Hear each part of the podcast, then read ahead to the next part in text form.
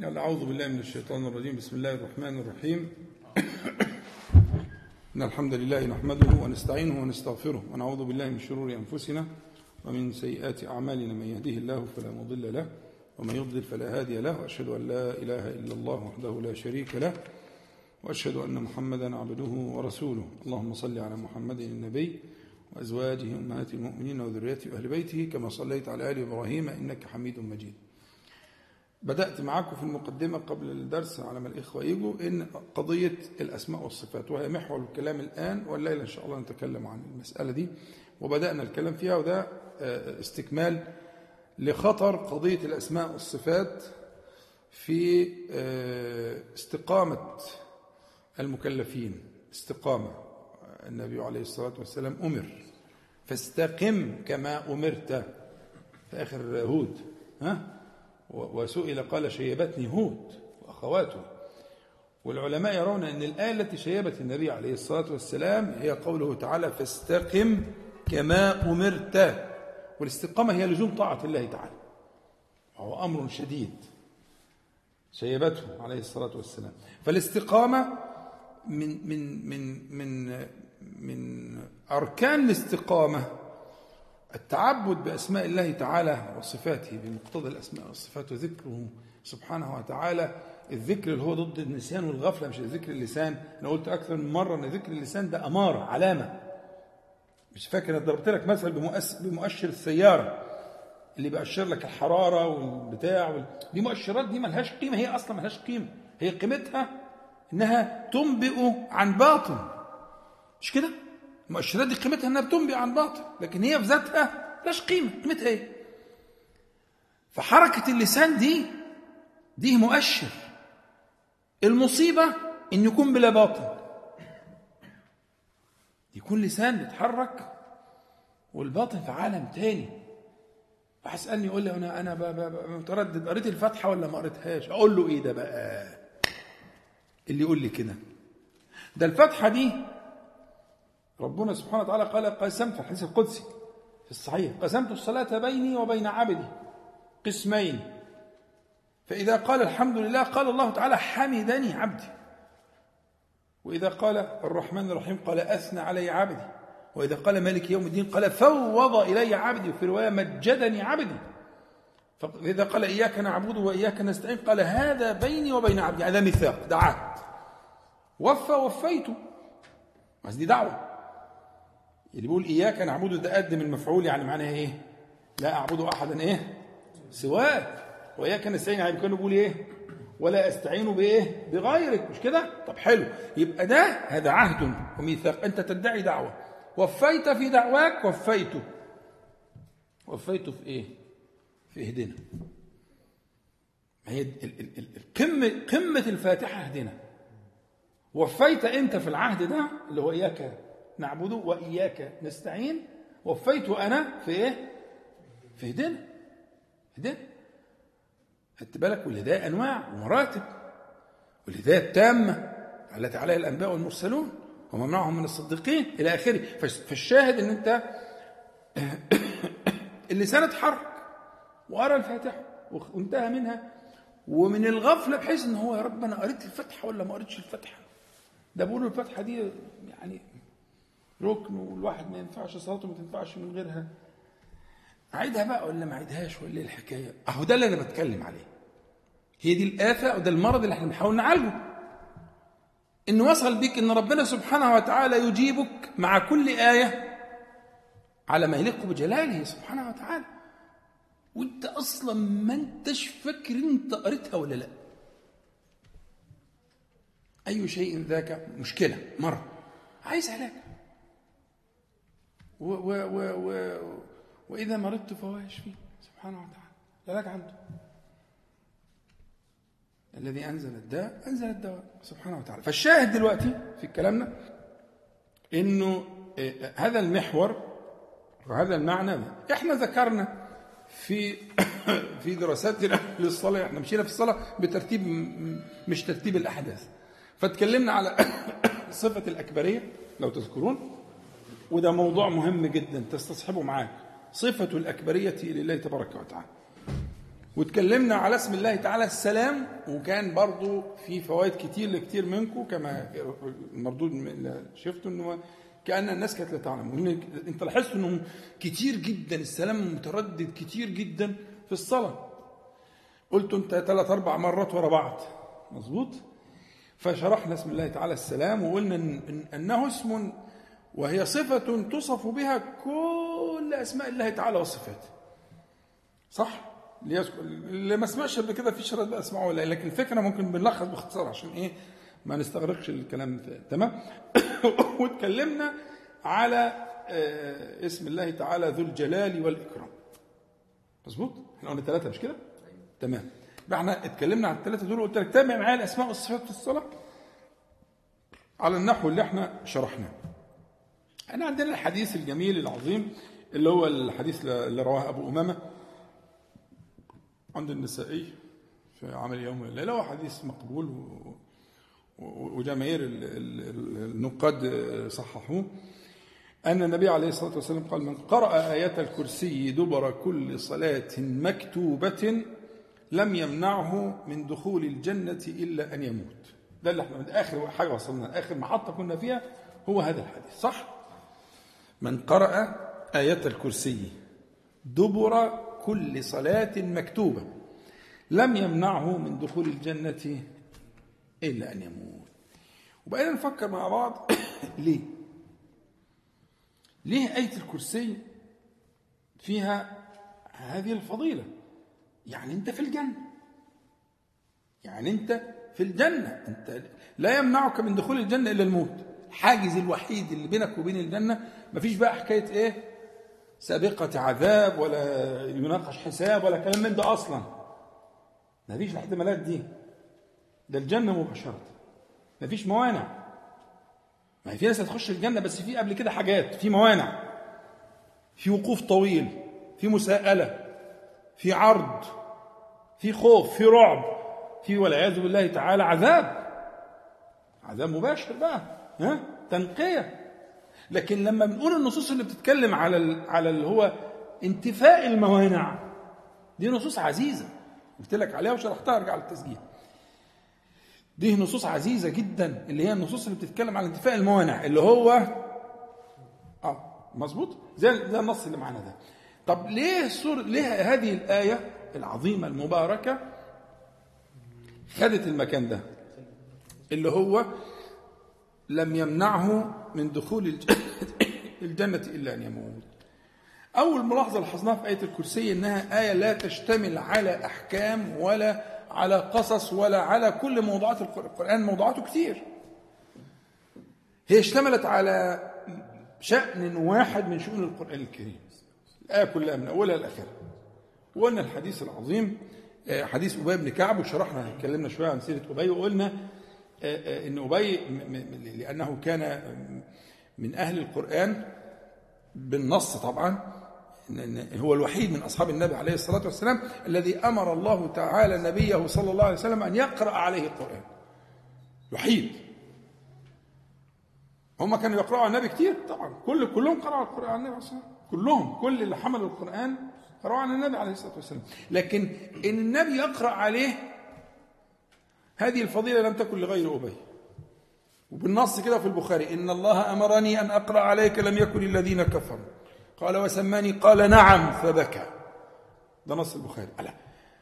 فأبي هنا لما النبي عليه الصلاة والسلام بيسأله بيقول له إيه؟ أتعلم أي آية في كتاب الله أعظم؟ وقال له يا أبا المنذر ده بكنيته اللي فيها التكريم يعني. ها؟ فجابها. الله لا إله إلا هو. القرآن آلاف الآيات. وبي جامع القرآن وجامع جمع الفقه والنظر والفهم والبتاع. ما؟ مظبوط. أمال الحكاية؟ لا ده الحكاية بقى أن إيه؟ هنا الفقه اللي هو لماذا كانت الآية فيها هذا الإيه هي في هذه الرتبة وفي هذا المكان. خدت بال حضرتك صلوا على حضرة النبي عليه الصلاة والسلام. لأنها اشتملت على أسماء الله تعالى وصفاته التي جمعت كل أركان الأسماء والصفات. وده كلام الإمام النووي في حديث أبي اللي موجود في مسلم. هو النووي قال كده. قال ليه هي أعظم آية؟ لأنها اشتمل اشتملت على أركان الأسماء والصفات. وده اللي إحنا وقفنا عليه المرة فاتت. أنا قلت لكم نص كلام النووي. نص كلام النووي آه، في حديث أبي في شرح المسلم قال لما جمعت من أصول الأسماء والصفات من الإلهية والوحدانية والحياة والعلم والملك والقدرة والإرادة وهذه السبعة أصول الأسماء والصفات ده كلام بالنص ده كلام النووي بالنص في شرح مسلم هشرح الكلام ده تلاقوش هحفظه لكم إن شاء الله كلام النووي صعب شوية بس هبسطه إن شاء الله بحيث نفهمه لكن هي الفكرة لماذا سادت هي سيدة الإيه؟ أي القرآن؟ لماذا سادت الآية سائر الآيات؟ آلاف الآيات سادت ليه؟ سادت لاشتمالها زي ما النووي بيقولوا ده الصح هو ده الصواب. لاشتمالها على مجامع الأسماء والصفات على مجامع الأسماء والصفات. إحنا بدأنا في آه، معنى الحي القيوم. مش كده؟ ده اللي بدأنا فيه المرة اللي فاتت. وقلنا إن القاعدة عندنا في الأسماء والصفات زي ما قلنا إنها آه، الاتصاف بكل كمال والتنزه عن كل نقص بلا كيف. هذه القاعدة العامة اللي هي مشهورة لكل التلامذة والطلبة عارفين. أي اسم من أسماء الله تعالى هو اتصاف بكل كمال وتنزه عن كل نقص بلا كيف. صح؟ مش كده؟ قلنا كده؟ خد أي مثال العلم. فعلم متصف بكل كل كمالات العلم منزه عن كل نقائص العلم من أي صور الجهل بأي صورة كانت. القدرة نفس الكلام. مظبوط؟ الملك إلى آخره. يبقى إذا القاعدة العامة اللي عندنا إن الحياة الحي واخد بالك؟ بعد لفظ الجلالة الحي عليكم السلام ورحمة الله وبركاته. الحي يعني حياة لا يشوبها نقص اتصفت بكل كمال منزهة عن كل نقص. طيب الأول نحاول نستعرض كده الآية مع بعض كلكم حافظين الآية الحمد لله. نحاول نستعرض الآية ونشوف الأسماء الصريحة والصفات اللي فيها إيه. الأسماء الصريحة فيها إيه؟ يلا نبدأ مع بعض. الله. مش كده ولا إيه؟ في ناس كتير من المحققين قالوا إن هو اسم الله الأعظم. لكن أنا لي وجهه نظر أخرى. لكن هو في ناس قال كتير من يعني. قالوا اسم الله الاعظم هو يبقى الله علم على الذات. توصف آه، يوصف بكل اسم وصفه ولا يصف. يعني هو يوصف ولا يصف. عشان كده قالوا ده الاسم الله مظبوط؟ يعني هو الرحمن. يبقى الله الرحمن الرحيم. مش الرحمن الله. ما ينفعش. هو فعشان كده قالوا لكن على كل ده موضوع تاني. فلفظ الجلالة الله. الله لا إله إلا هو الحي القيوم. بعد كده لا تأخذه سنة ولا نوم. له ما في السماوات وما في الأرض. من ذا الذي يشفع عنده إلا بإذنه يعلم ما بين أيديهم وما خلفهم ولا يحيطون بشيء من علمه إلا بما شاء. وسع كرسيه السماوات والأرض ولا يؤوده حفظهما وهو العظيم. وكم؟ خمس. يبقى الأسماء الصريحة. الأسماء الصريحة في آية الكرسي ركزوا معايا بقى ها؟ عشان إحنا عايزين شوية تركيز خفيف كده والدنيا هتمشي إن شاء الله. يبقى الأسماء الأسماء الحسنى الأسماء الحسنى الصريحة في آية الكرسي كام؟ خمسة. الله الحي القيوم العلي العظيم. خمسة. الله الحي القيوم العلي العظيم.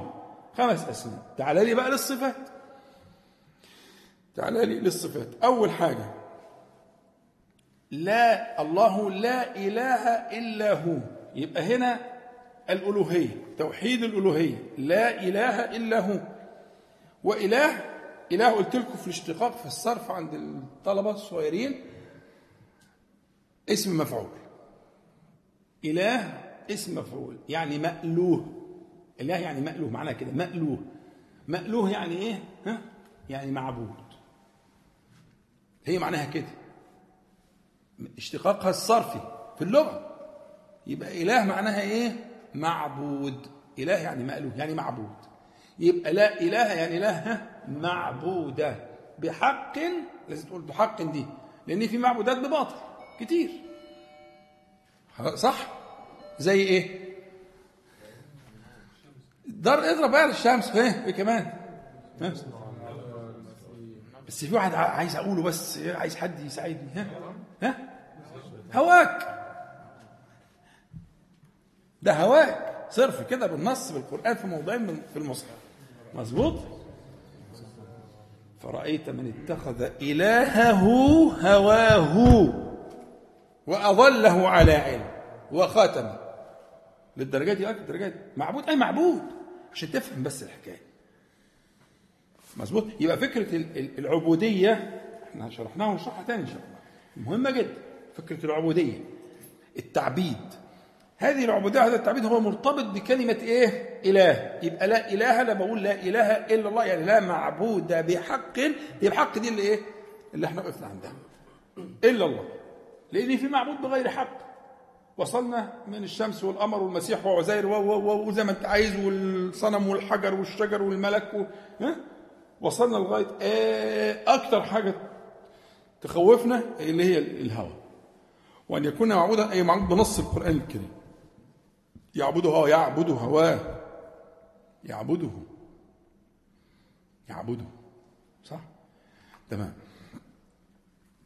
يبقى لا إله إلا الله يبقى توحيد الألوهية. الله لا إله إلا هو الحي القيوم. بعد كده لا تأخذه سنة ولا نوم. لا تأخذه سنة ولا نوم. هو في الحقيقة إيضاح وبيان وتوكيد لمعنى الحي القيوم. هنشرحها إن شاء الله دلوقتي الحي القيوم. بس الأول لا تأخذه سنة ونوم دي مش صفة جديدة. دي مش صفة جديدة. هي هي وصف هي وصف للحي القيوم. الحي القيوم هي لا تأخذه سنة ولا نوم. هنقول سنة ونوم إن شاء الله؟ لا تأخذه سنة ولا نوم. يبقى بعد كده ها؟ له. له. ما في السماوات وما في اللام دي عند العرب وسهلة في أي كتاب في, في, ثانوي ولا إعدادي بيسموها لام الملك. لام الملكية. فهنا لا له ما في السماوات يعني هو ملك سبحانه وتعالى. قد ملك ما في السماوات. يبقى تاني صفة بعد الصفة الأولية الأولى هي صفة الإيه؟ الملك. فهو ملك وهو مالك. ومش كل ملك مالك ومش كل مالك ملك. ولذلك الفتحة فيها قراءتين متواترتين. مالك يوم الدين وملك يوم الدين والقراءتين بيكملوا بعض. فهو المالك وهو الملك جل جلاله.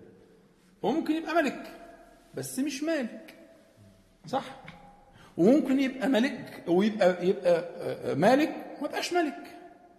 لكن رب العالمين سبحانه وتعالى لكل ما خلق هو مالك وهو ملك. سبحانه وتعالى. يبقى هنا اللام بتاعت له ما في السماوات وما في الأرض دي لام الإيه؟ اتفقنا على لام الإيه؟ لام الملكية. لام يقولوها كده. نحو لا لام الملكية. يبقى هي يملك فهو ملك ومالك سبحانه وتعالى. لكل ما في السماء. وهنا تغليب لما؟ عشان الإيه؟ غير العقل أكتر من العقل هي ما غالبا بتبقى لغير العقل ومن؟ للعاقل. فمن هنا داخله فيها يعني لكل ما في السماوات يعقل ولا يعقل. ها؟ فهو ملك ذلك وهو مالك ذلك سبحانه وتعالى. يبقى أول حاجة الألوهية جت في التوحيد. ثاني حاجة كانت الملك أو الملك. وأنت فهمت إن الاثنين مطلوبين. له ما في السماوات وما في الأرض. من ذا الذي يشفع عنده إلا بإذنه. الشفاعة وذكرناها ونشرحها برضه إن شاء الله لما جاء دي صفة في في جاي تاني يأكدها اللي هي صفة القدرة. من ذا الذي يشفع عنده إلا بإذنه يعني من قدرته أنه لا يشفع أحد من خلقه إلا بإذنه وذلك من كمال قدرته. يبقى ثالث صفة عندنا صفة القدرة. يبقى الصفة الأولى صفة الألوهية. ركز معايا عشان تذاكر. الصفة الثانية صفة الملك ها والملك الصفة الثالثة صفة القدرة اللي هي جاي فيها إيه؟ آه من ذا الذي يشفع عنده إلا بإذنه. بعد كده يعلم ما بين أيديهم وما خلفهم دي صفة العلم واضحة زي الشمس. يعلم ما بين أيديهم وما خلفهم. ولا يحيطون بشيء من علمه إلا بما شاء. هنا بقى دخلنا في الإيه؟ في, الإرادة. دخلنا في الإرادة. ولا اللي هي يشاء ولا يحيطون بشيء من علمه ها؟ بما شاء. يبقى هنا هذه الإرادة. يبقى أنا دلوقتي عندي خمسة هنكمل بقية السو... ال... ال... الآية هتلاقيهم رجعوا لل... للخمسة. إحنا بنتكلم فيه الأولى الألوهية توحيد لا إله إلا هو سبحانه وتعالى. الثانية الملك والملك سبحانه وتعالى. الثالثة القدرة. الرابعة العلم يعلم ما بين أيديهم وخلفهم. الخمسة الإرادة. والخمسة دول هم مجامع الصفات والخمسة اللي فاتوا هم مجامع الأسماء. وعشان كده الصورة دي الآية دي هي سيدة آية القرآن الكريم. تعال نكمل بقية اللي هتلاقي اللي باقي في, الآية داخل في معنى القدرة. وسع كرسيه السماوات والأرض ولا يؤوده حفظهما وبعدين وهو الأرض وسع كرسيه السماوات والأرض ولا يؤوده حفظهما. الاثنين داخلين في القدرة. يبقى القدرة القدرة اشتملت على ثلاث جمل إن صح التعبير من الآية ثلاث جمل من الآية. من ذا الذي يشفع عنده إلا بإذنه؟ وسع كرسيه السماوات والأرض ولا يؤوده حفظهما لا يثقله. لا لا يثقله حفظ الكائنات وحفظ الكون كله. ها؟ الكون محفوظ في منتهى الدقة. مما من ملايين السنين من دهور لا يعلمها إلا الله سبحانه وتعالى. ولا يؤوده حفظهم وهو العلي العظيم ده دخلنا في الأسماء. يبقى الألوهية أو توحيد الألوهية والملك والملك والقدرة والعلم والإرادة. معانا في الأسماء الخمسة اللي قلناهم الله سبحانه وتعالى الحي القيوم العلي العظيم. المعاني يا شباب يقول لك إيه بعد كل يعني أنت على الأقل هتقراها خمس مرات. طب وفي سنن تانية كمان إنك أنت بتقراها مثلا عند النوم. واخد بالك؟ القصة الشهيرة بتاعت الشيطان لما كان بيقعد ياخد من الصدقة وبعدين مسكه قال له أقول لك على حاجة والسر بقى اللي مش عارف إيه وايه والنبي عليه الصلاة والسلام قال إيه صدقك وهو إيه؟ كذوب. بس دي كان صادق فيها فعلا. إنك إذا قرأت آية الكرسي عندما تنام لم يقربك شيطان. يعني فيش بقى فيش أوضح من كده. الآية تجعل حارسا عليك طوال الليل ما يجيش عليك بهذه الكلمات طب ليه الكلمات لاشتمالها على أسماء الله تبارك وتعالى؟ وفي كثير من أهل العلم قالوا ان فيها اسم الله تعالى الأعظم سواء إذا كان الحي القيوم أو لفظ الجلالة. وفي ناس قالت غير كده لكن أنا أميل مع مع هذين وميلي أكثر للحي القيوم. تمام؟ فاشتماله على اسم الله تعالى الأعظم اشتماله على الأسماء والصفات مجامع الأسماء والصفات. ده فكرة التكرار التكرار إنك تقولها بعد الصلوات وتقولها عند النوم وتقولها في أوقات مسنونة ومحبوبة. يفتح لك الأبواب للتفكر للتفكر في معانيها وألفاظها. تمام؟ إحنا اتكلمنا المرة اللي فاتت ولا بأس بشيء من الإعادة في مسألة إيه في اسم الله تعالى الحي القيوم مش هزيد عن كده. الحي الحي الكلام اللي كده ممكن يكون تخصصي شوية بس لو طولتوا بالكم هتلاقوه سهل إن شاء الله. هي ده في هتلاقيها في الأول شكلها يخوف كده لكن بعد كده تلاقيها سهل. صلوا على حضرة النبي عليه الصلاة والسلام. الحي في المشتقات في كلام الشباب بتوع ثانوي وإعدادي الحي في المشتقات بيسموها صفة مشبهة. صفة مشبهة. الصفة المشبهة دي ما تخافوش ما تخافوش اوعوا تخافوا. الصفه المشبهة دي حاجة سهلة. هي لها تكملة بس ما بتتقالش اسمها صفة مشبهة باسم الفاعل. يعني صيغة كده في كلام العرب بترفع فاعل وبتبقى زي اسم الفاعل في دورها زي حسن مثلا. واحد فيكم سمى ابنه حسن. وزي ما النبي عليه الصلاة والسلام سمى حسن. تمام؟ فحسن حسن الصيغة دي اسمها صفة مشبهة. كأنها تعمل تقول حسن مجهول. شرط الصفه الصفة المشبهة إنها تكون بتعبر عن اللزوم والدوام ولا تنفك عن صاحبها. إنها حاجة لا تفارقه. فما تقولش مثلا إن حسن ممكن يبقى قبيح ما ينفعش. حسن لازم يبقى على طول حسن. ولا يكون قبيحا في يوم من الأيام ولا ينفض عنه شيء من حسنه أبدا فالحسن حسن دي معنى باختصار كده معنى فكرة الصفة المشبهة اللي موجودة في اشتقاقات العربية. العربية جابت الصيغة دي علشان تبقى صيغة تعبر على ما يكون في اسم الفاعل لكن بالدوام وال... لأن اسم الفاعل زي قاتل ها أو آكل ممكن يبقى مرة قاتل ومرة مش قاتل ممكن مرة آكل ومرة مش اسم الفاعل لا يدل على الدوام. لا يدل اسم الفاعل لوحده كده لا يدل على الدوام. واللزوم لصاحبه. لكن هم لقوا إنه لما يجيبوا الصيغة مشبهة مشبهة باسم الفاعل يبقى بتعمل إيه؟ بتأدي معنى اسم الفاعل بإضافة حاجة اسمها الإيه؟ اللزوم. اللزوم. خلاص؟ فلما نجيب صفة مشبهة للحسن يبقى دوام الحسن. خلاص؟ مظبوط؟ يبقى الحي في الاشتقاق الصرفي صفة مشبهة. يعني معناها حياة دائمة. يعني إحنا أحياء ما ينفعش يتقال علينا الحي. لأن حياتنا منقوصة. صح؟ حياتنا منقوصه يعتريها ما يعتريها يعتريها الغفله ويعتريها النعاس. ويعتريها النوم. ويعتريها الإغماء. ويعتريها الموت. صح. كلها درجات من درجات النقص المختلفة. لكن ربنا سبحانه وتعالى هو الحي.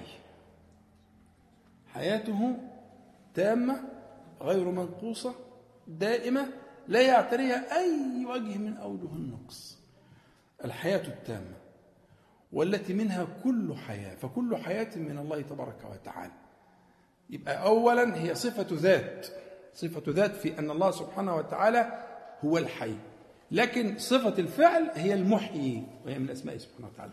لكن الحي صفة إيه زي ما اتفقنا قبل كده؟ الإخوة اللي ما حضروش معانا إحنا بنقسم أسماء الله تعالى إلى أسماء ذات تصف الذات وتصف الفعل. وفي أسماء بتصف الاثنين. يبقى تصف الذات والفعل الاثنين مع بعض. الحي يصف الذات العلية. حياته دائمة سبحانه وتعالى ولا نقص فيها. ده معنى الحي. القيوم برضه في كلام اللي هو الجماعة الصرفيين ما نتخضش برضه هو صيغة مبالغة. صيغة مبالغة. أنا يعني قلت لكم اسم الفاعل. اسم الفاعل بيؤدي بيدل على إن الفاعل ربما عمل الفعل ده مرة أو مرتين. ده الأصل فيه. لكن لو هو على طول على طول بيعمل الايه كثيرا ما يأتي بهذا الفعل بننتقل معاه لرتبة ثانية اسمها صيغة المبالغة. فقتال غير قاتل. مظبوط؟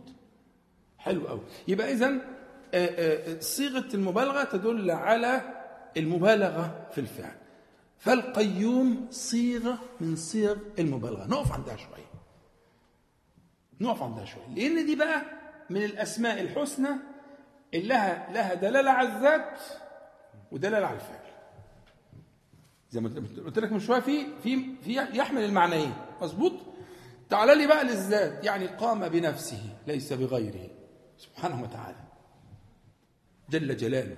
كل ما عداه قد قام به. أما هو فقام بنفسه بذاته العلية. لم يقمه غيره سبحانه وتعالى. فالقيوم أولا صفة الذات أن الله تبارك وتعالى قام بذاته. ها؟ والأدلة على كده كتير ومنتشرة في القرآن الكريم. وأنت ماشي كده هتلاقي الاستدلالات الكثيرة في القرآن الكريم على القضايا الجميلة دي وممكن نبقى نتوسع شوية في الموضوع لكن أنا بس عشان ما نخرجش عن موضوعنا القيومية في في في في في ذات الله تبارك وتعالى هي صفة ذات قام بذاته لا يحتاج لغيره سبحانه وتعالى وهي صفة فعل فكل آه، آه، ما عداه قام به سبحانه وتعالى. قام به بالإيجاد من العدم وبالرعاية والمصلحة والتدبير الذي أعطى كل شيء خلقه ثم هدى. يعني ثم هداه هداه إلى ما يصلحه ويبقيه سبحانه وتعالى. مظبوط؟ مش عارف كنت بشوف آه، مشهد كده على على الشبكة آه، التماسيح بتبيض بيضها بتدفنه في الرمل. بس بعيد. وبتدفنه في عمق كبير. علشان إيه؟ آه، تحفظه من الحاجات اللي بتاكل البيض والحاجات اللي زي كده. نوع من أنواع لما بيفقس التمساح بيروح للبحر. شوية الغذاء اللي موجودين في في البيضة وبتاع. فأنا كنت بتفرج كان معايا حد يعني فبقول إيه؟ طب هو ما مشيش في الاتجاه الثاني ليه؟ يعني هو خارج من حفرة رمل. إيه اللي خلاه يتجه في اتجاه المية؟ ما في أربع اتجاهات. اتجاهات اللي حواليه أربعة. عدد بيت بيت كبير جدا كمية تمساح الخارجة كتير جدا. ما فيش تمساح واحد غير اتجاهه. كله اتجه ناحية المية. طب عرفها منين دي؟ إيه الأدوات اللي موجودة؟ إيه البوصلة؟ إيه عوامل الجذب إيه اللي حصل؟ إيه اللي يخلي التمساح؟ لأنه لو مشي في أي اتجاه تاني هيهلك. لكنه هو مشي في الاتجاه اللي هو آه، من من من من ربوبية الله تبارك وتعالى له. فالله ربه. الله سبحانه وتعالى ربه. وزي ما شرحنا قبل كده الربوبية معناها الرعاية. كما يربي أحدكم فلوه أو فصيله واخدين بالكم آه. فالشاهد أنه القيومية في حق الله تبارك وتعالى في ذاته كما علم وفي فعله القائم على كل خلقه بالإيجاد من العدم وبالرعاية وبالمصلحة وبالتدبير إلى آخر الشؤون. واللفظ ده موجود في القرآن كتير وله معاني جميلة بس طبعا ممكن يتسع يعني يعني مثلا ربنا سبحانه وتعالى يقول ودي تهمني شوية عشان آه، من الأشياء اللي فيها خطأ شائع فيها خطأ شائع. الآية بتاعت سورة النساء الرجال قوامون على النساء بما فضل الله بعضهم على بعض وبما أنفقوا من أموالهم. الحقيقة الآية دي الشائع فيها خطأ. والصواب فيها هو المعنى اللي هنشرحه ده. قوامون دي صيغة مبالغة. قوى قوام على مش كده؟ قوام على فهنا القوام هنا يعني معناها القائم على مصلحته وتدبير شأنه ورعايته والدفاع عنه وإلى آخره. لكن تصور إن هي بمعنى الفوقية أو الرتبية أو ما يترتب عليها من أداء فروض الطاعة والولاء والاحترام والكلام ده مش مش مش من هنا من حتة ثانية لكن مش من هنا. الآية دي تعني أنه كما آه، كان ربك سبحانه وتعالى لك فكن لها. كما كان الله لك فكن لها. ومعناها كده. ربك كان لك إزاي؟ كلها فمعنى القوامة اللي هي المذكورة في سورة النساء هي في الحقيقة هي مسؤولية وليست رتبة ولا المعاني اللي هي الشائعة الغلط يعني. لكن هي في الحقيقة آه، نوع من الحمل والمسؤولية أن يكون المرء قواما على غيره. وده واضح في القرآن الكريم آه، ومن أهل الكتاب من إن تأمنه بقنطار قنطار يؤديه إليك. ومنهم من إن تأمنه بدينار لا يؤديه إليك إلا ما دمت عليه قائما. المتابعة والرعاية لغاية لما توصل للنتيجة اللي أنت عايزها وإلى آخره. فالمعنى شائع في القرآن اللي هو القيام على دي آه، والقيام لي والقيام بي موجود في القرآن كتير بس أنا مش هتوسع يعني آه، آه، وأن تقوموا لليتامى بالقسط. يعني في مصالحهم ومش عارف إيه برضه ده معانا في سورة النساء والحديد ليقوم الناس بالقسط بالباء. يعني في الباء وباللام وعلى كلها المعاني تدور في فلك واحد. فكرة الرعاية والتدبير والمصلحة والحفظ والكلاءة كل هذه المعاني الجميلة العظيمة اللي هي موجودة في إيه؟ في آه، قوله تعالى الحي القيوم. وارتباط الاثنين ببعض وفي ناس كتير من فحول العلماء ذهبوا إلى أنه اسم الله تعالى الأعظم. إن في الحديث اللي قلت لكم موجودة في البقرة وآل عمران وفي طه فنظرت فوجدت الكلام ده كلام صحابي. فوجدتها في البقرة كذا وفي آل عمران كذا أولها وفي الايه آه، آه، وفي طه فهي يعني شيء قوي. وإحنا قلنا الحديث كان من كان النبي صلى الله عليه وسلم يدعو يا حي يا قيوم. بس. وقلنا إحنا إيه فقه الدعاء اللي هو النداء. قلنا دي الحاجات الحاجات المهجورة. الحاجات المهجورة. الدعاء بالنداء. وشرحنا قبل كده. إحنا معانا حديث من صحيح الإمام مسلم. أرجو الله تبارك وتعالى أن كلكم تخرجوا حافظينه. وفاهمينه وتبدأوا التعبد به. حديث مهم جدا في هذا المقام وفي بعض أهل العلم قال عليه كلمة جميلة هقولها لكم إن شاء الله بس بعد الحديث. هو الحديث من رواية أبي موسى الأشعري رضي الله عنه من اصحاب النبي عليه الصلاة والسلام وفي صحيح الامام مسلم. قال قام فينا رسول الله صلى الله عليه وسلم بخمس كلمات. كل كلمة دول هنحللها إن شاء الله كالعادة. قام فينا رسول الله صلى الله عليه وسلم قام فينا رسول الله صلى الله عليه وسلم بخمس كلمات. فقال عليه الصلاة والسلام إن الله عز وجل لا ينام ولا ينبغي له أن ينام. يخفض القسط ويرفعه. يرفع إليه عمل الليل قبل عمل النهار. وعمل النهار قبل عمل الليل. حجابه النور. لو كشفه لأحرقت سبحات وجهه ما انتهى إليه بصره من خلقه. انتهى الحديث. أنا طلبت ثلاث حاجات.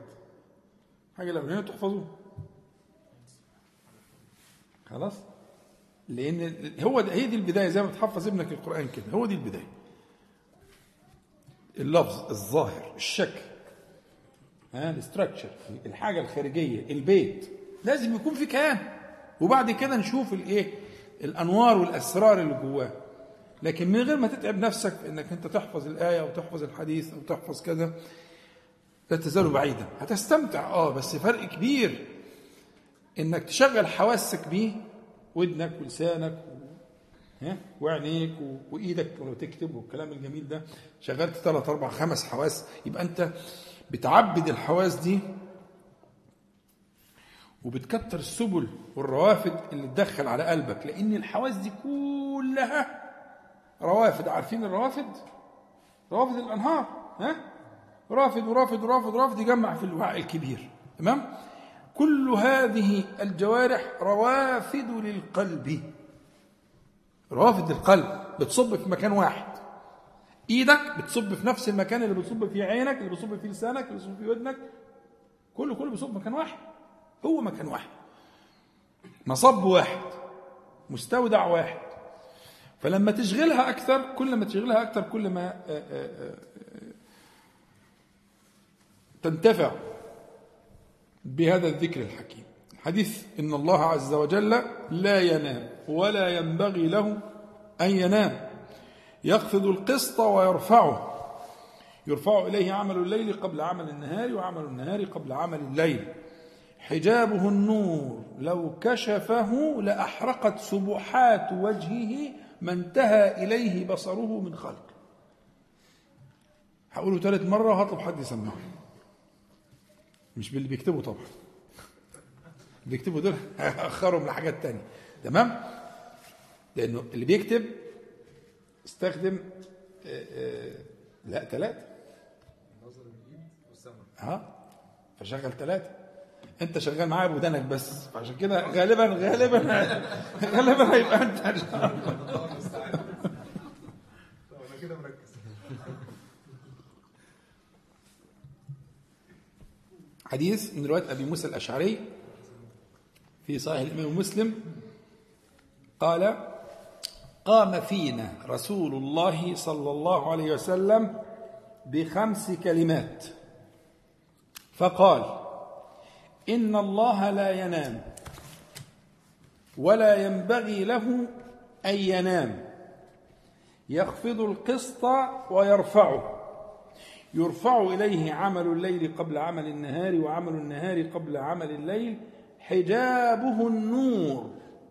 لو كشفه لأحرقت سبحات, سبحات وجهه ما انتهى إليه بصره من خلقه. وبالمرة تعدل الخمسة. شو قال بخمس كلمات؟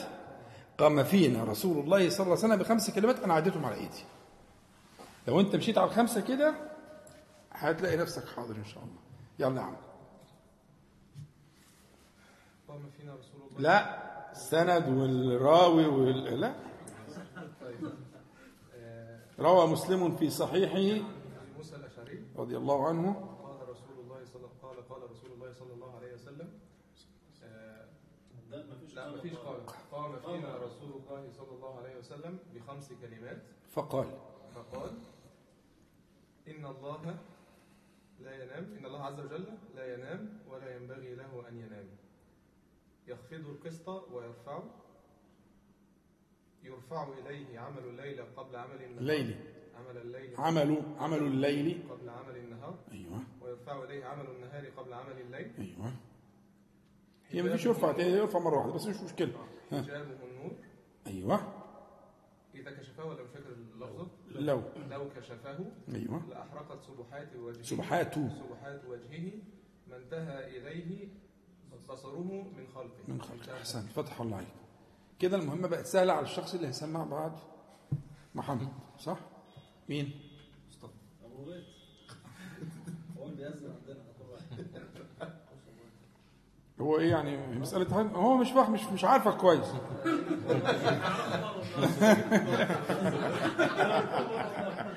هو مش عارفك كويس. قول يا ولا يهم. قول يا أحمد. قول يا حبيبي. خمسة. يلا.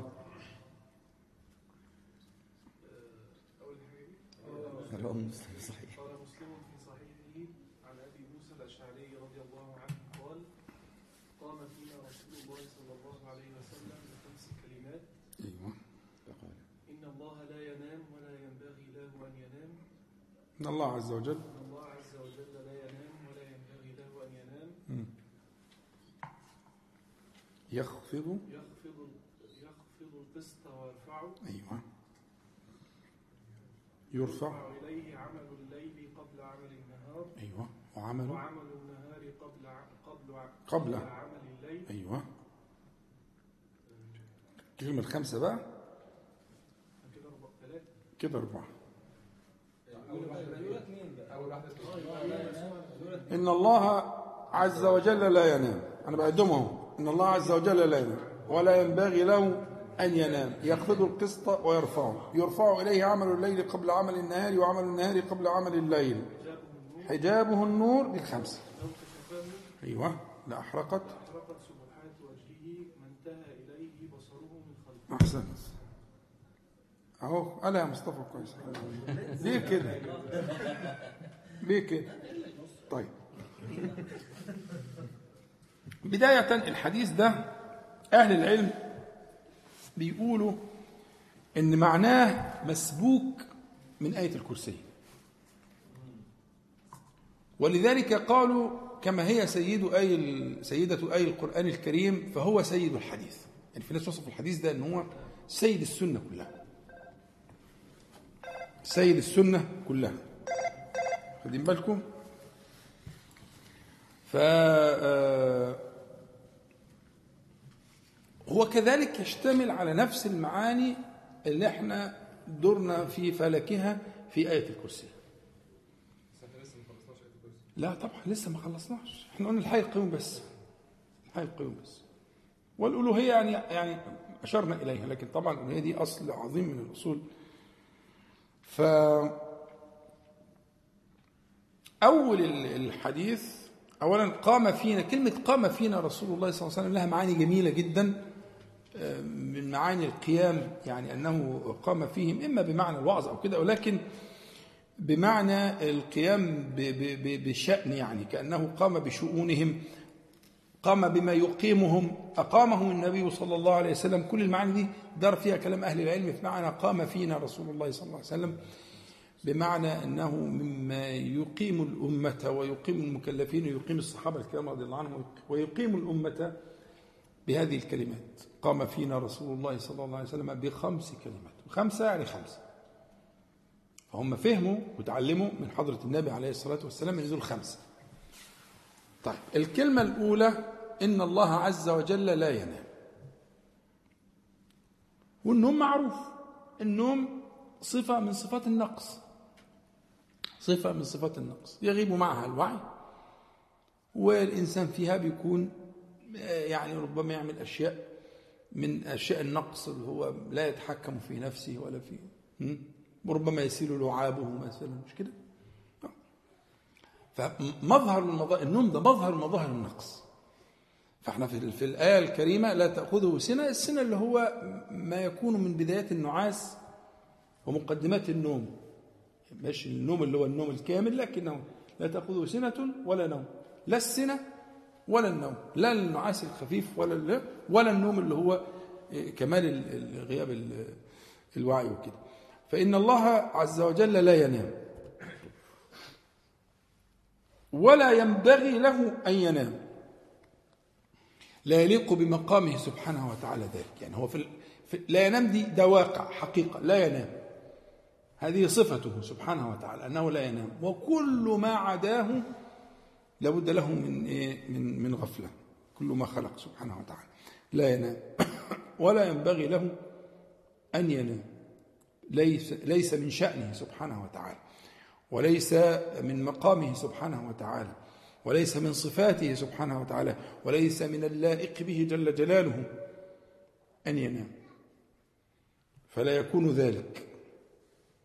فهي آه، آه، آه، فيها وصف أوسع من وصف لا ينام. لا ينام وصف.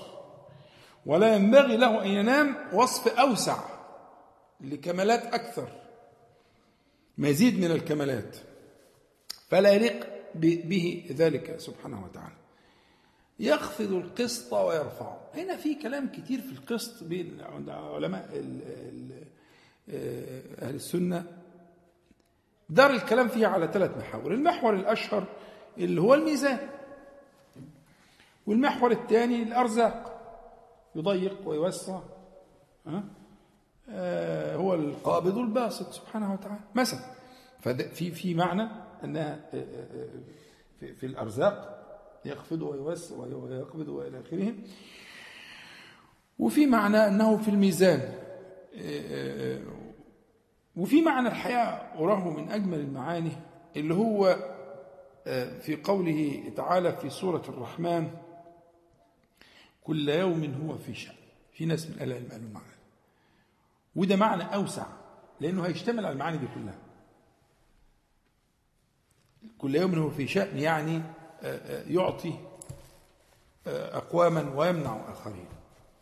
يعز أقواما ويذل آخرين.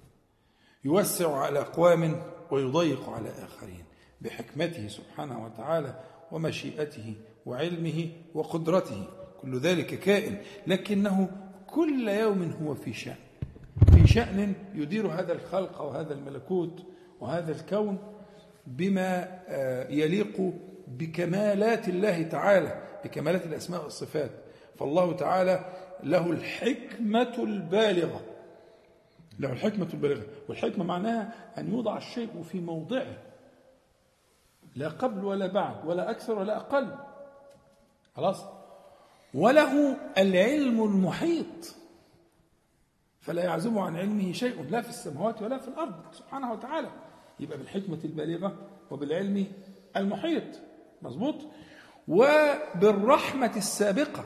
كل ذلك قام برحمة الله تبارك وتعالى ورحمة الله لا تسبق?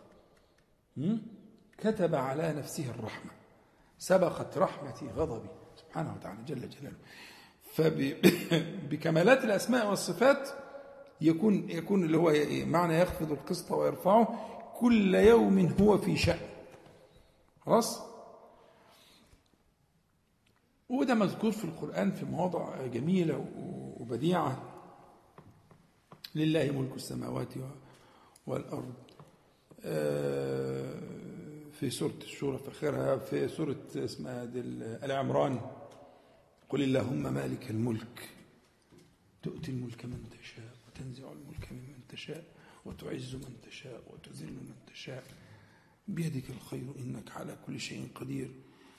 تولج الليل في النهار. يعني إذا هذا هذا الملكوت هذا الكون الواسع الفسيح العريض آه، الله تبارك وتعالى آه، آه، بحكمته وبعلمه وبقدرته وبرحمته سبحانه وتعالى يقضي فيه ما يشاء. يبقى هنا يخفض القسط ويرفعه أقرب شيء إليه هو ما تسمعون. إن الله عز وجل لا ينام ولا ينبغي له أن ينام يخفض القسط ويرفعه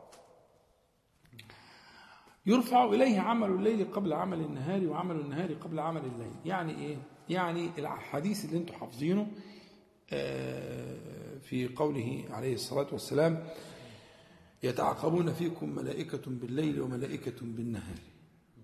يعني إيه تتعاقب لا يتعاقب يعني يأتي في عقب يعني ما فيش ما فيش فجوة بينهم. هؤلاء يأتون في أعقاب هؤلاء والعقب أنتم عارفينه. ويل للعقاب من النار يعني كأنه لازق فيه يعني. يعني ده يغادر الثاني يخش. ده يغادر. فالملائكة دايما تشهد. يتعاقبون فيكم ملائكة بالليل وملائكة بالنهار في صلاة الصبح وفي صلاة العصر. فأسألهم ربهم كيف وجدتم عبادي؟ الحديث مشهور. وجدناهم يصلون وتركناهم يصلون للأسف الحديث العظيم الجميل جدا. فهذه الملائكة المتعاقبة التي يعقب بعضها بعضا هي ترفع الأعمال إلى الله سبحانه وتعالى. وده الرفع اليومي لأن في رفع يومي وفي رفع أسبوعي وفي رفع سنوي. وفي رفع شهري. مستويات الرفع المختلفة. فالرفع اليومي هو ده ده رفع الملائكة.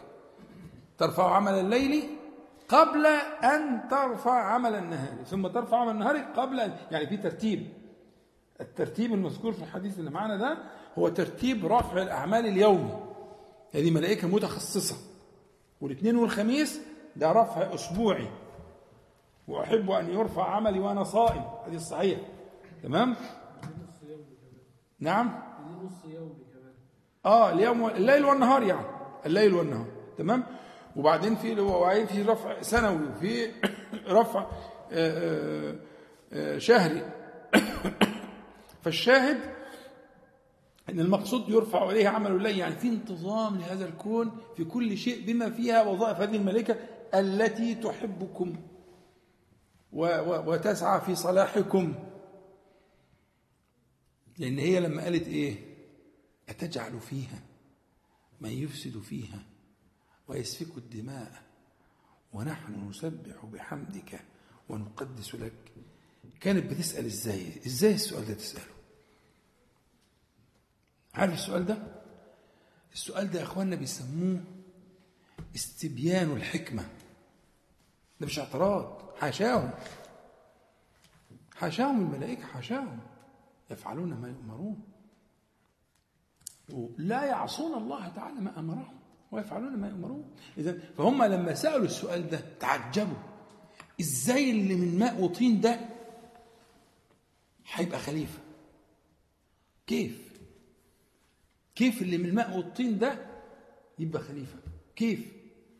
فهنا ده اللي هو السؤال الموجود في البقرة اللي بحكيه ده ده سؤال استبيان الحكمة. عايزين واستبيان الحكمة مشروع. زي ما إن شاء الله نتكلم ربنا يسهل ونقدر نبدأ الليلة دي نتكلم في الحج. الحج كله استبيان للحكمة. إيه الحكاية؟ تطوف حول حجر تقبل حجر تقف على حجر ترمي حجر بحجر. إيه الحكاية؟ ما هو استبيان الحكمة هنا مطلوب بقى. ما الحكمة الإلهية في هذه الشعائر الجليلة.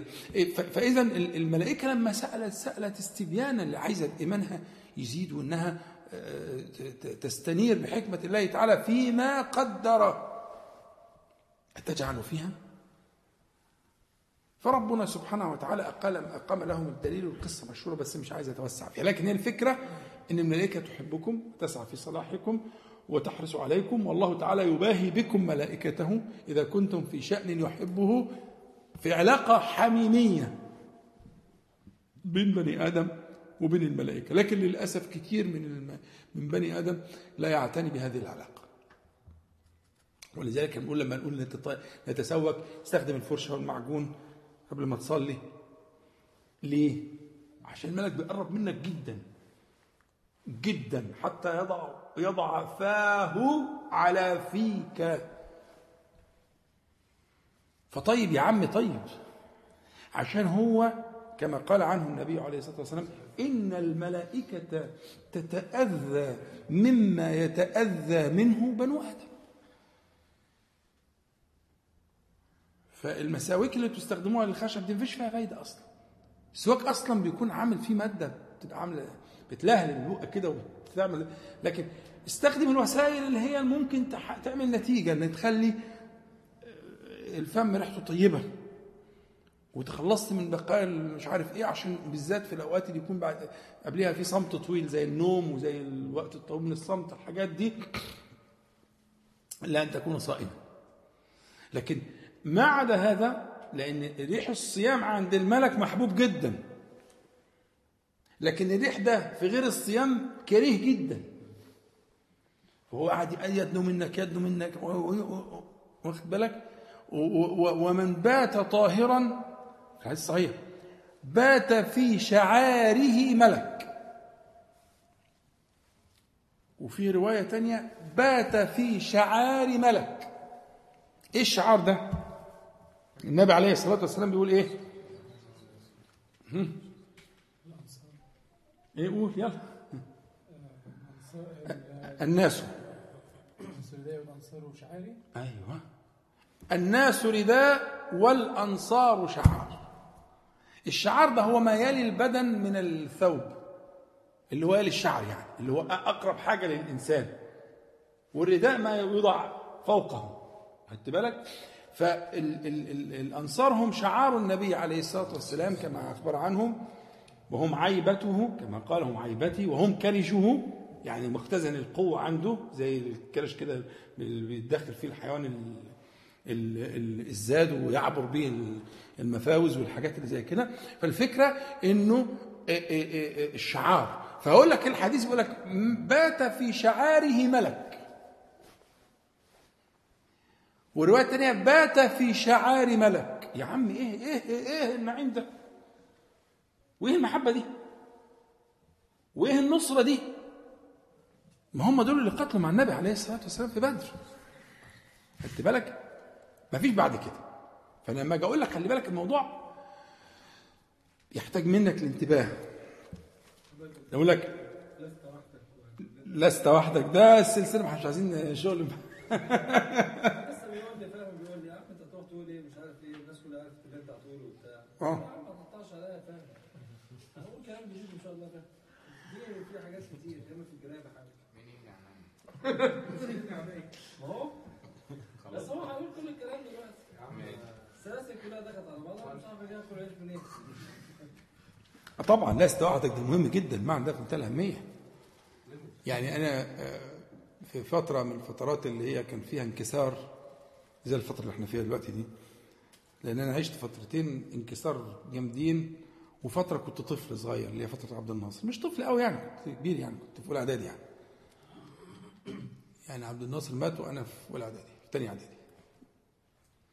في سبتمبر في أول الدراسة يعني. فأنا عشت فترتين انكسار جامدين لل- للتيار الإسلامي أو للناس المسلمين يعني. ففي الفترة اللي هي كان فيها الانكسار الأول غير الانكسار اللي إحنا فيه ده آه، عملت الدرس ده يعني قعدت فيه فترة طويلة يمكن سنة. آه، في المسجد كنت بدرس للإخوة هذا الموضوع اللي هو لست وحدك. لست وحدك ده موضوع مهم جدا. اولا بدأت. بصفات الله تعالى اسمائه إنه لست وحدك. ثم انتقلنا بقى بعد اتكلمنا طبعا الملائكة موضوع موضوع جميل جدا وماتع جدا أنا اللي أنا قلته ده يعني مقدمة لكن هو في الحقيقة الموضوع ماتع جدا. هتلاقي نفسك بتحب الملائكة جدا وبتراعيها وبتفكر فيها وبتتعامل معاها المعاملة اللائقة واخد بالك؟ وفي حاجات تانية في الجن بأقسامه الجن في ناس كويسة وفي ناس مش كويسة. والجهل في الموضوع ده وحش جدا وأدى المفاسد و... فلكن العلم بينور الناس عمل الموضوع الموضوع بطريقة شرعية وعملية ومظبوطة والجن فيه حاجات كويسة وحاجات وحشة. والنفس نفسك الأمارة بالسوء. وكنت دايما بستدل بحديث آه، ربيعة الأسلمي لما قال للنبي عليه الصلاة والسلام كان هو كان بيخدم النبي عليه الصلاة والسلام وكان آه، يتقن خدمته عليه الصلاة والسلام.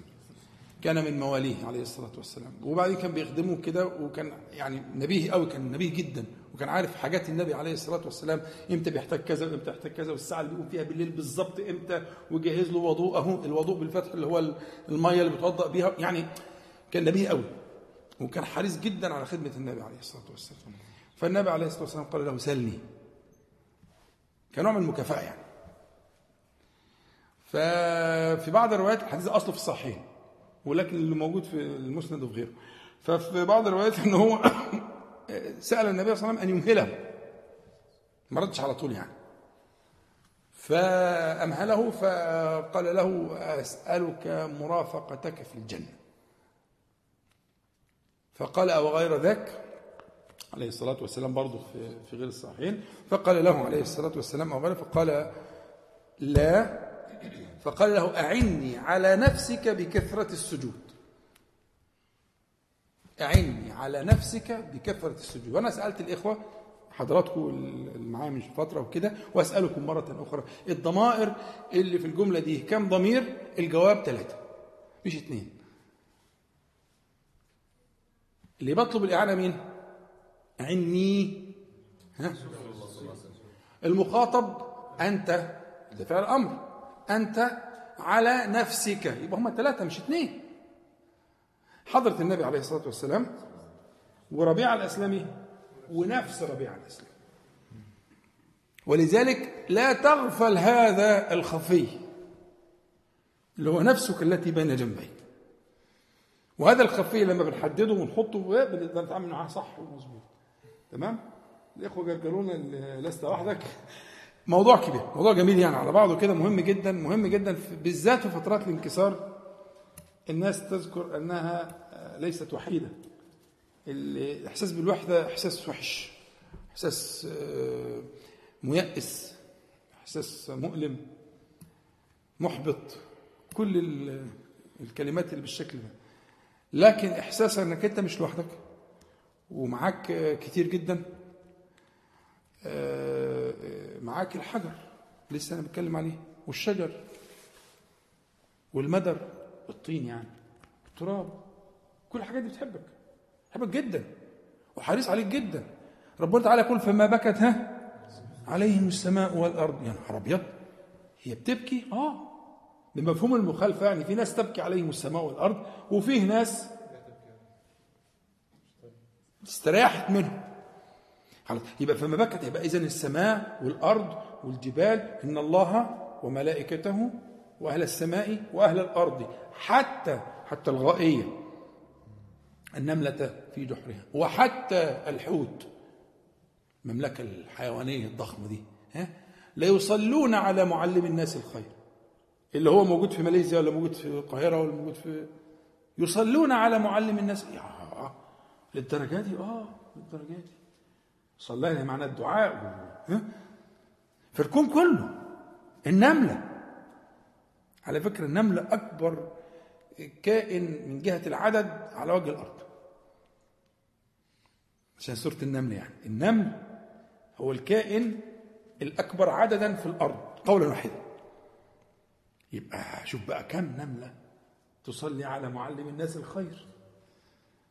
يليه في العدد المملكة الحيوانية اللي في البحر. فوق الحصر تصلي على معلم الناس الخير. ده غير طبعا إن الله وملائكته وأهل السماء إحنا بنكلمك على أهل الأرض فإذا أنت مش لوحدك. حذاري من الانهزامية والمسألة مش زي ما أنت متصور. في حكم للي بيحصل. حكم في حكم بالغة. أنا قلت لكم الأمة دي إحنا خرجنا الموضوع بس يعني مش هرجع على طول بس مت... الأمة دي أحب الأمم إلى الله تعالى. والأمة دي أكرم الأمم على الله تعالى. لا يتصورن أحد منكم أن الله تعالى يفنيها أو يبيدها أو ينتقم منها. حاشاه. ابدا. إن الله تعالى يداوي أدواءها. ده فعل الطبيب الرفيق. بحبيبه انت ممكن تشوف الطبيب ماسك مشرط وبيقطع وتقول إيه القسوة دي؟ مش قسوة. مش قسوة. دي رحمة. بس كان لازم. لأن ظهر ورم. ورم لابد من استئصاله. في جرح لابد من من تضميده لابد. أحسنوا الظن بالله تعالى. اللي أنتم شايفينه ده الذي استوحشت منه نفوسكم هو فعل الحبيب بحبيبه.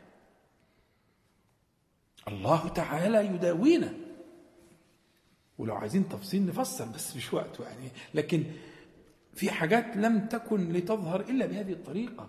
أمراض وأمراض عضال. أورام وأورام خبيثة. والله تعالى يداوينا. إحنا لا عندنا فقه ولا عندنا فهم ولا عندنا تدبير ولا نحسن شيئا. لكن نحن نحب الله تعالى ونؤمن به ونطيعه ونفوض أمورنا لله تبارك وتعالى. أسلمنا. عارفين الإسلام؟ الإسلام اللي موجود في الصفات. فلما أسلم بألف الاثنين وتله للجبين. الجبين اللي هو ده. ده جبين. كل واحد فينا له جبينان. ها؟ ده جبين هذا جبين حرك الجبين وتله للجبين. الاثنين أسلموا. إسماعيل أسلم وابراهيم أسلم عليهما السلام. هو ده الإسلام. عايز تعرف الإسلام؟ هو ده الإسلام. التسليم تسليم مطلق. وتله للجبين. وناديناه. إذا ففكرة ان هنا يعني في الاوقات العصيبة أوقات المحن أنت محتاج إلى أن تذكر ذلك. وأن تذكر أن الله تبارك وتعالى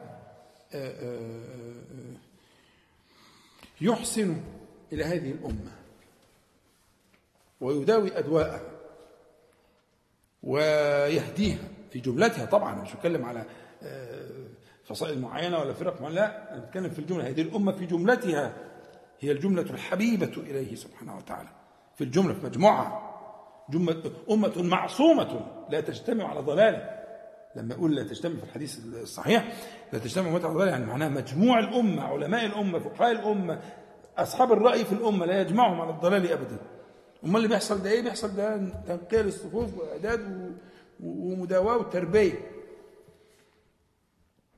نرجع تاني لقصتنا عشان إحنا إيه؟ يعني الشيء بالشيء يذكر. الملائكة. يرفع إليه عمل الليل قبل عمل النهار وعمل النهار قبل عمل الليل فإنها اللي هي حديث يتعاقبون فيكم يحبكم جدا ويرفعون أعمالكم في رفع يومي وفي رفع أسبوعي وفي رفع وفي رفع ونتكلم في لما نتكلم عن الملائكة نتكلم عن الموضوع بالتفصيل إن شاء الله. الخامسة حجابه النور حجابه النور وفي رواية في صحيح مسلم برضه حجابه النار. وهو المقصود بالنور أو النار هو النور في الحقيقة يعني أو النور يخرج من النار أو من الاشتعال يعني المهم الفكرة فكرة النور والنار فكرة قريبة الوهج ال ال ال النور الذي يخرج هو الذي هو المقصود لأن الروايتين صحيحتين في الصحيح. حجابه النور. آه قبل ما نقول لو كشفه قبل ما نقول لو كشفه في عبارة جميلة جدا موجودة برضو في كتاب مش عايز أقوله هقوله بس كأني ما قلتوش يعني عشان برضو دي من الكتب اللي المفروض تسمع عنها وما تقولهاش. بس أنتوا عشان أنتوا ناس يعني يعني الدنيا مأمونة يعني ها؟ لكن آه، آه، آه، هو في كتاب اسمه الحكم العطائية. كتاب ابن عطاء الله السكندري. ده برضو ده بقى قد اللي موجود في الإحياء. آه، أضعافا مضاعفة يعني الإحياء إذا كان في سبحاني وفي آه، ما في الجبة إلا الله فالحكم العطائية فيها ما هو أشد من ذلك. لكن في كذلك من. بس لا يصل إلى رتبة الإحياء لأن رتبة الإحياء فيما لا يستغنى عنه. ولذلك لخصوه ابن الجوزي لخصه.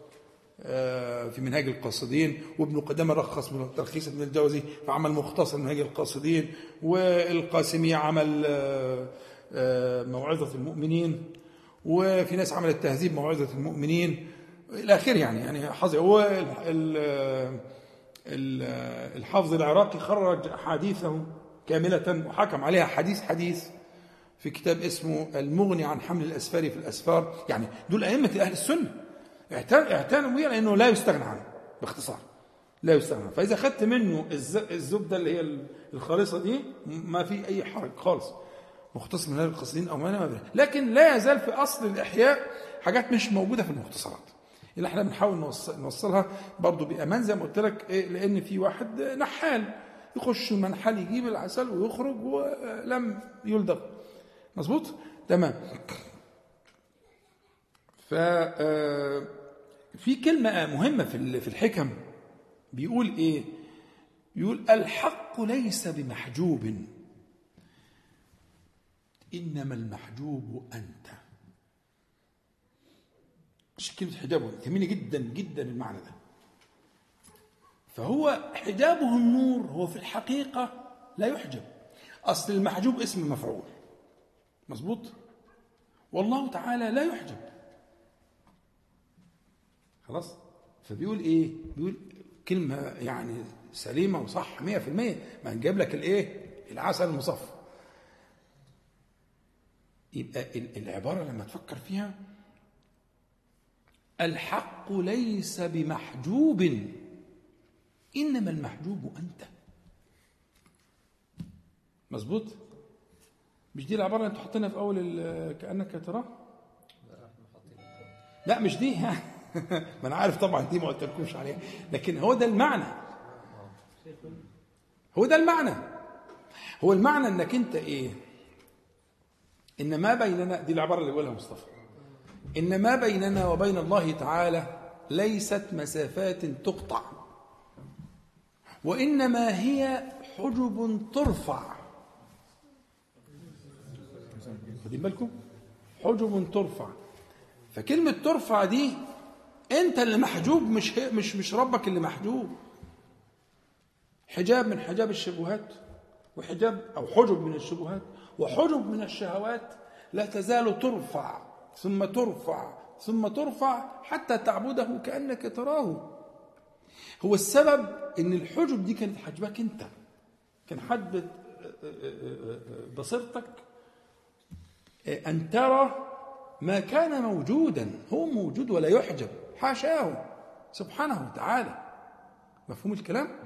يبقى اذا فكرة حجابه النور يعني ما يحجب المخلوقين عن إيه؟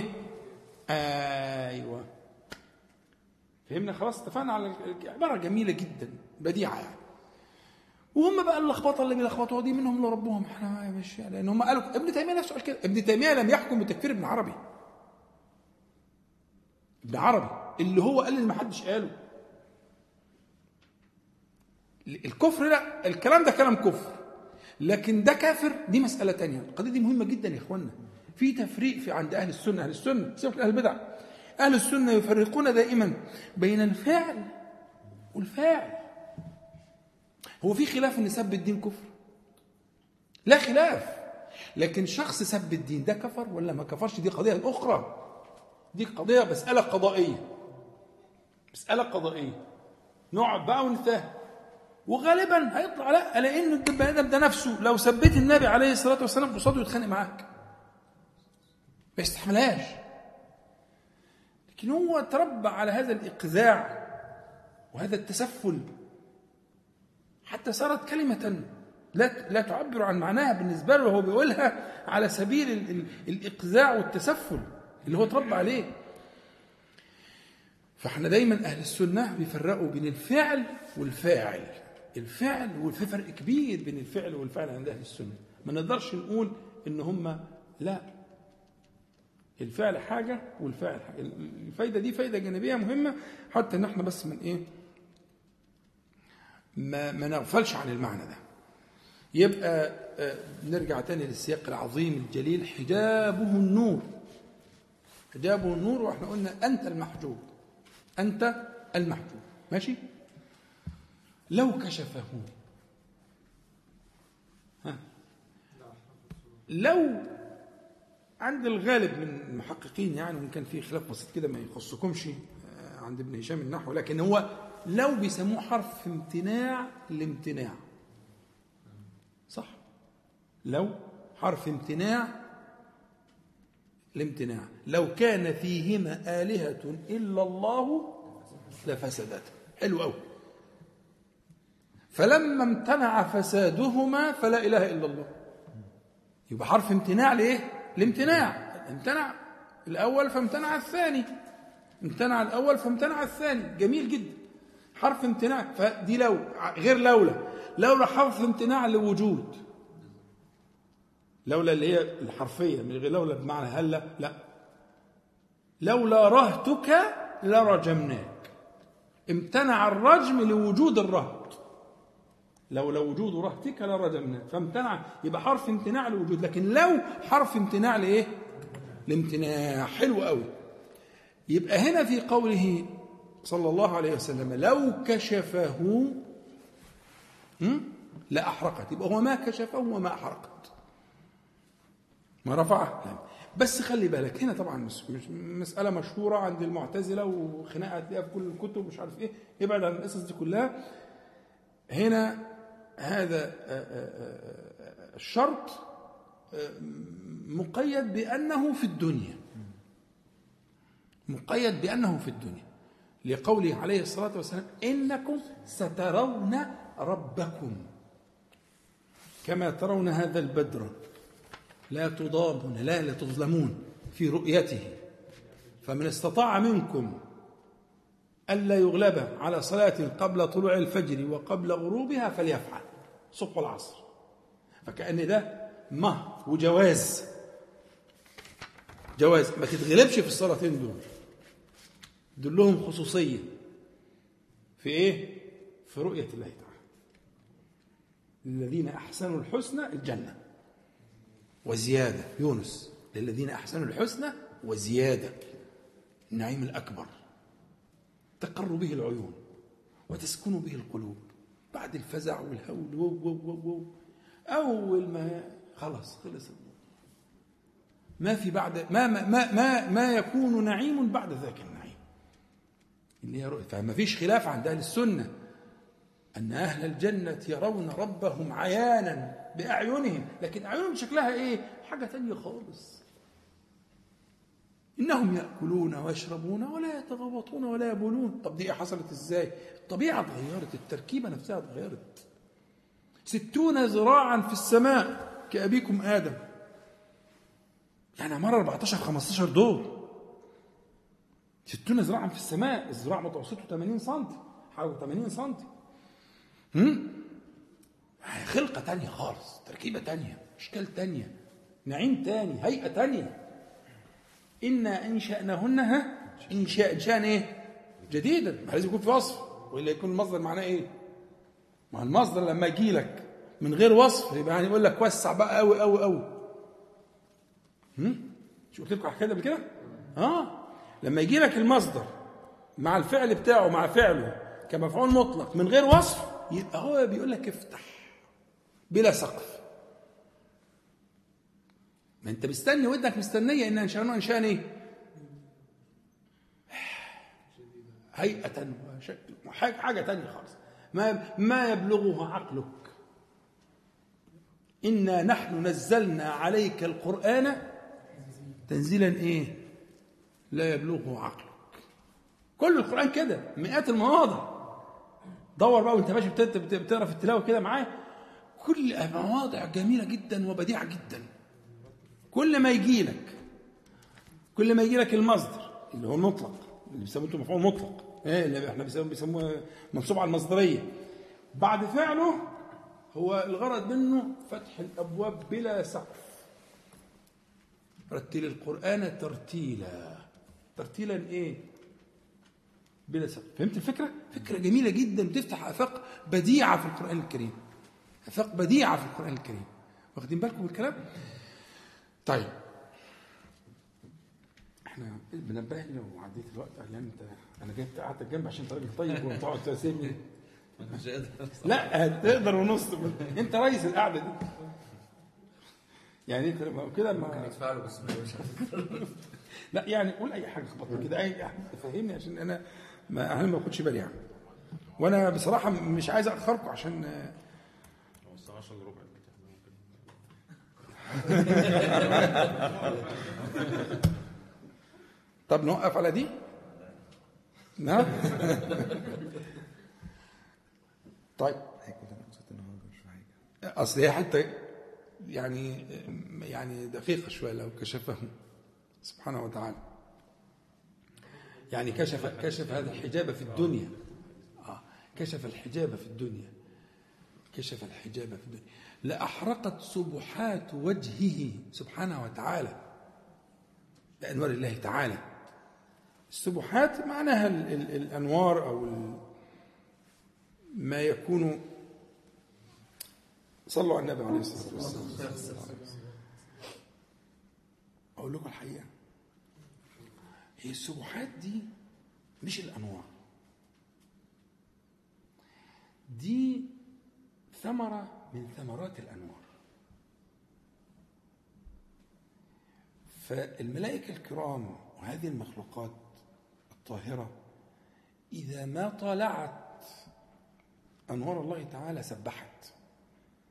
فالسبحات هي بركة الأنوار وأثر الأنوار. وما سيكون من أهل الجنة إذا ما رأوه. فالسبحات هي بركات الأنوار مش الأنوار نفسها. هي بركة الأنوار. هي انعكاس هذه الأنوار في النفس البشرية وفي القلب الطاهر. ها؟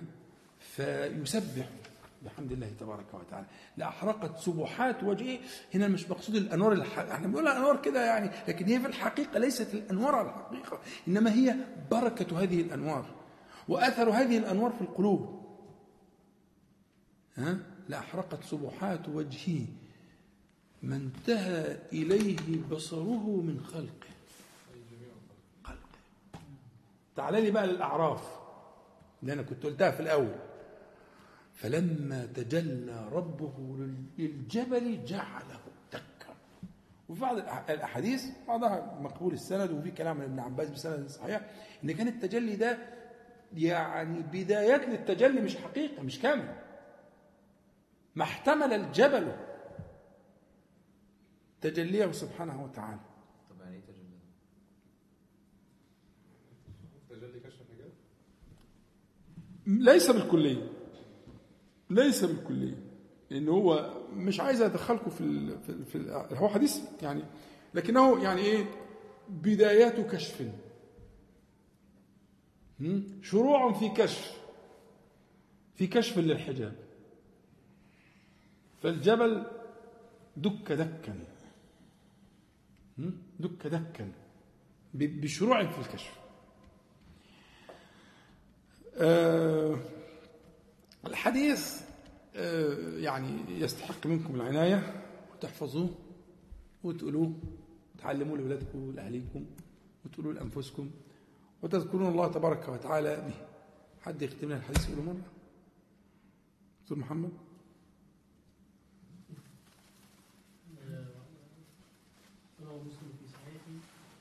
أبي موسى موسى الأشعري رضي الله عنه قال قام قام فينا رسول الله صلى الله عليه وسلم وصحبه فقال إن الله عز وجل لا ينام ولا ينبغي له أن ينام يخفض القسط ويرفعه يرفع إليه عمل الليل قبل عمل النهار وعمل النهار قبل عمل الليل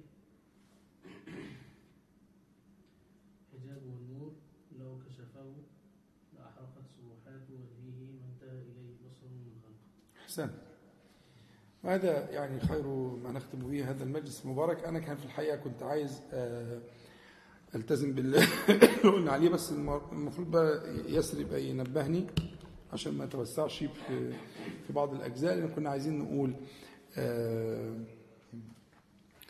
آه، مثل من ال- الأمثلة اللي ترفع الهمة. المرة اللي فاتت اتكلمنا عن الإمام الغزالي رحمه الله. النهارده كنت عايز أكلمكم عن هاجر. هاجر القبطية. إحنا كلنا أقباط طبعا. أقباط يعني أهل هذا الوادي. هذه باللغة اليونانية القديمة. القبط هم أهل هذا الوادي اللي هو الوادي النيل يعني. فكل من كان من أهل هذا الوادي فهو قبطي. آه، وده اللفظ اللي استخدمه النبي عليه الصلاة والسلام آه، في أحاديث كتير منها حديث في مسلم ومنها حديث في السنن. الحديث العظيم جدا الله الله في قبط مصر فإنكم ستظهرون عليهم وسيكونون لكم عدة وأعوانا في سبيل الله. وده موجود ومسجله الإخوة وكده ترجعوا لكن الفكرة إنه أنا كنت عايز أتكلم عنها وعن آه، لما قعدت آه، تلهث وراء إبراهيم عليه السلام وهو ما بيردش عليها فلما قالت له آه الله أمرك بهذا فالتفت وقال نعم قالت إذا لا يضيعنا وتركته. كنا عايزين نقرأ القصة ونقول القصة بتاعتها بس كده أنا شوقتكم بس يعني كده عشان الوقت. لكن هي الحقيقة تستحق هذه الهمة بالذات إذا كان في نصيب وهنطلع عمرة مع بعض. فنفهم القصة. القصة دي إيه حكايتها قصة عجيبة جدا جدا. وفيها مما فيها. حتى إذا ما توارى آه، خلف أكمة أو شيء من ذلك هو التفت للبيت مرة ثانية ودعا.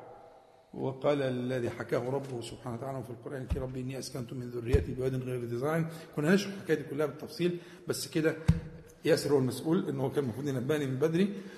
آه، فقدر الله ما شاء فعل. كنا عايزين نبدأ النهارده الكلام كرامة ل- لبعض إخواننا سألني في مسألة إن إحنا كنا عايزين نبدأ في الحج ونتكلم في العمرة و و و و و والمعاني الباطنة التي تتم بها حياة العمرة. المعاني الباطنة لأن زي ما قلنا إن العبادات آه، تحتاج إلى حياة. فالعبادة دي من أشد العبادات التي تحتاج إلى ذلك أن يكون في نتكلم على معنى الحج والحجيج وأن كلمة أول كلمة الحج نفسها ها في جهالة للأسف الشديد يعني. للأسف الشديد. إن الحج معناها القصد والكلام ده الكلام ده مش صحيح. الكلام ده بدلالة اللزوم. لكن الحج معناها معنى مختلف تماما يعني. عمل تشويق كده خفيف الحج أصلا في كلام العرب آه، الكلمة اللي هي آه، الحاء والجيم والجيم دي معناها آه، شيء كهفي صلب يحوي ضعيفا فيه. شيء كهفي صلب يحوي ضعيفا فيه. عشان خاطر الجماعة بتوع الرمد هذه تسمى حجاج العين اللي هو الجزء التجويف العظمي ده. اللي جواه الكرة دي ده اسمه كده. العرب تسميه حجاج العين. حجاج العين اللي هو اللي هو التجويف العظمي ده اللي جواه حاجة غالية جدا. مش العام يقولوا العين عليها حارس؟ مش والدتك كانت بتقول كده؟ هو ده هو ده الحارس. اللي هو عبارة عن التجويف العظمي اللي جواه التجويف العظمي اللي جواه هذا العزيز الغالي. العزيز الغالي اللي جوه إيه؟ تجويف كهفي عظمي قوي يحفظه. تمام؟ فالحج هو الدخول في ذاك الحمى في كهف أو في تجويف يحميك. ولذلك الحديث الصحيح العظيم جدا النبي عليه الصلاة والسلام بيقول لأم المؤمنين عائشة بيقول لها إيه؟ لولا أن قومك حديث عهد بجاهلية لهدمت الكعبة. ثم لبنيتها على قواعد إبراهيم. ولجعلت لها بابين. بابا شرقيا وباء يدخل الناس منه وبابا غربيا منه يخرجون فكان الحج في الأصل هو الدخول في هذا الكهف. دخول في الكهف في الحمى اللي هو الحمى الحقيقي. فوافق المعنى اللغوي المعنى الشرعي وإن الحج كان في أصله كذلك لكن لما قصرت النفقة بقريش بنته على الهيئه اللي شايفينها دي. ومحدش بقى قادر يعمل اللي كان النبي عليه الصلاة والسلام يوده. وده موضوع في الأصول جميل اللي هو الحاجات اللي قال فيها لولا. ها؟ طب إذا زال المانع تتعمل ولا تعملش فاهمين الفكرة دي؟ لولا ان قومك حديث عهد بجاهليه لفعلت كذا وكذا وكذا. طب إيه لو لو زال المنع ده؟ نعمل ولا ما نعملش؟ دي مسألة أصولية جميلة جدا. لولا أن أشق على أمتي. طب لو زالت المشقة. بقت أمر يا سيدي وإلى آخره. يعني فكرة الايه فكرة اللي في كلامه الشريف عليه الصلاة والسلام. لكن الشاهد دلوقتي عشان عايز أخرجكم من قصة الإيه؟ عايز أدخلك جوه المعنى الجميل ده. ومن لطف الله تعالى إن الحجر موجود. فاللي هيخش في الحجر هيخش في الحمى. هيخش في الحمى. في الحجاج. في هذا الحصين في هذا الحصين الذي يأوي ضعيفا. أنا الضعيف. وروح في حماه وادخل. برضو من لطف الله تعالى إن الحجر موجود والحجر جزء جزء من من من باطن من أصل الكعبة المشرفه وندخلها بفضل الله سبحانه وتعالى وهي بإجماع المسلمين هي من البيت. من من من داخل البيت. وهذا الذي قصرت عنه نفقة القرش قريش ها؟ بالك بالطريقة دي بقى هنشتغل إن شاء الله في الحج كله. ماشي كده بنشوق بس. فمعلش سامحوني. العيب عندي ياسر. بواسر اللي بعد كده يرتب البتاع وكل شوية زغلني كده. يقول لي يقول لي اخلص. اخلص. ماشي ده تبعك كنت أنا بره أنا ب... لأن الواحد قضية انفعال فانا بحتاج حد ينبهني. فإن شاء الله الحصة الجاية يكون في يعني يكون في هذا الترتيب ونلتزم به تعالى أقول قولي هذا وأستغفر الله العظيم لي ولكم. اللهم صل على محمد النبي وأزواج أمهات المؤمنين وذرية آل بيته كما صليت على آل إبراهيم إنك حميد مجيد. والحمد لله رب العالمين. نقول جميعا سبحانك اللهم ربنا وبحمدك. أشهد أن لا إله إلا أنت أستغفرك وأتوب إليك. جزاكم الله خيرا جميعا.